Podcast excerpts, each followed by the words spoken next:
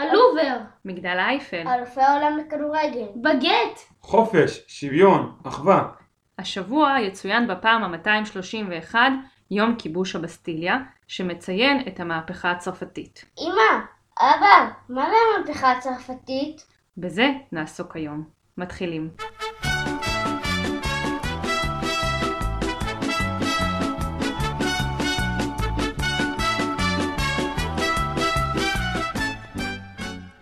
המהפכה הצרפתית היא מסוג האירועים ההיסטוריים שאפשר להגיד עליהם שמה שהיה לפניה לא דומה למה שיקרה אחריה.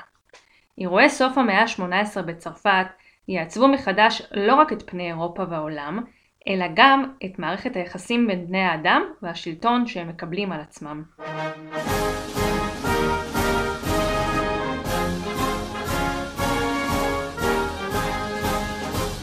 קשה לדמיין את העולם שלנו ללא המהפכה הצרפתית. המהפכה הצרפתית הייתה תקופה של טלטלה וחילופי שלטון בהיסטוריה של צרפת בין 1787 ל-1799. התחוללו בה שינויים מהותיים בסדרי החברה והממשל שמהווים ציון דרך בתולדות העולם המודרני. אז איך בעצם התגלגלה צרפת, מדינה מבוססת ומסודרת, למהפכה? צרפת של העשור השמיני במאה ה-18 היא מדינה מעמדית, כמו מרבית המדינות באירופה.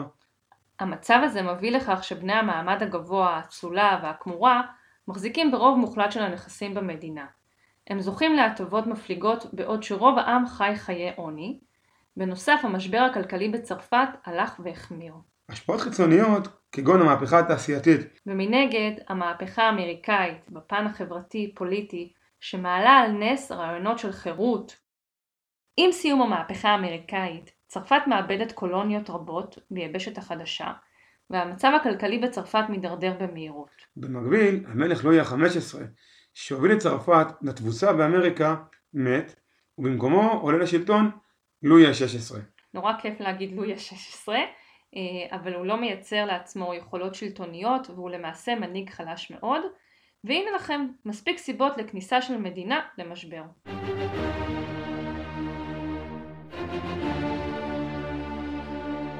לואי ה-16 מבין את המצב ומכנס את אספת המעמדות, לאחר שגוף זה הוקפא למשך 175 שנים.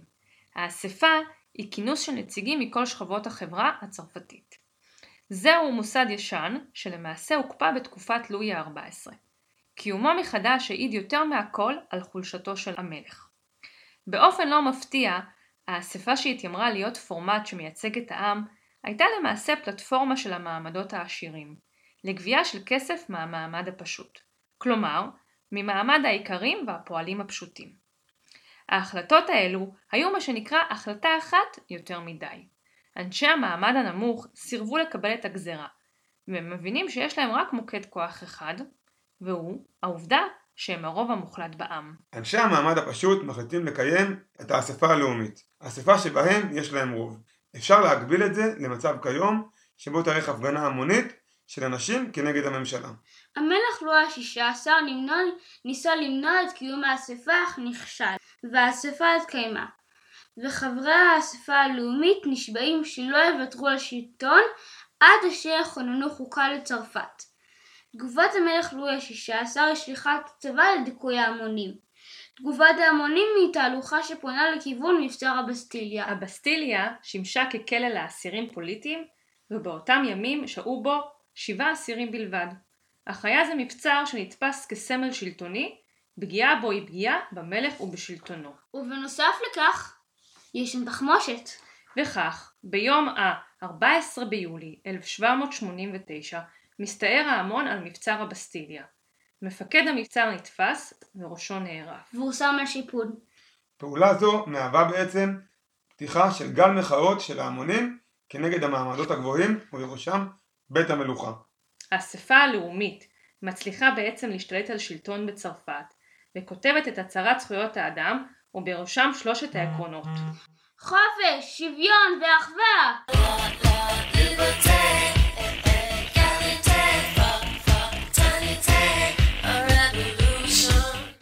הישגי המהפכה הצרפתית המהפכה קבעה כי לא לידתו של אדם קובעת את מעמדו, כלומר שוויון מוחלט. הרעיונות היו ליברליים ומחלחלים אל כל אירופה. המהפכה הצרפתית הייתה כמו סערה שמשפיעה על גל של מים בנהר. היא השפיעה על כולם.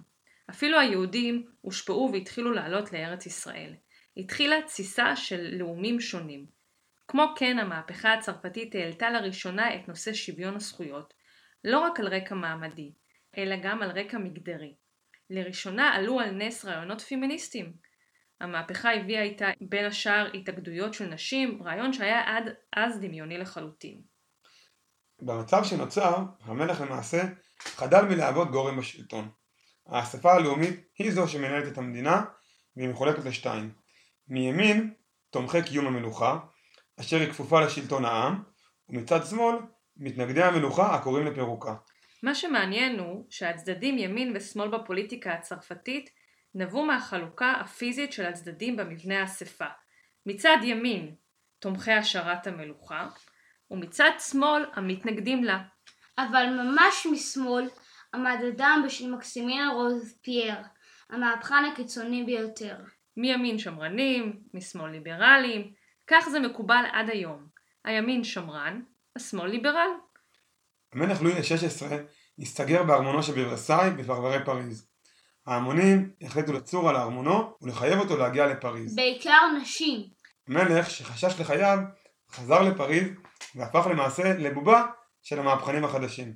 זוהי למעשה רק יריית הפתיחה לכאוס הפוליטי והחברתי ששרר בצרפת עד שנת 1799. שנה בה עולה לשלטון אדם קטן קומה, אך מנהיג בחסד עליון, בשם נפוליאון. אבל זה כבר סיפור לפרק אחר. אז נאחל לכל תושבי העולם חופש, שוויון ואחווה. נאחל לעם הצרפתי יום בסטיליה מספר 231 שמח. מזל טוב. תודה לכם שהקשבתם לנו. מוזמנים לעקוב אחרינו באתרים השונים ובאפליקציות השונות. אפשר להיכנס לדף הפייסבוק שלנו. תודה למאוס פלד על עריכת הסאונד. ניפגש בפרק הבא. ויב לה פרנס!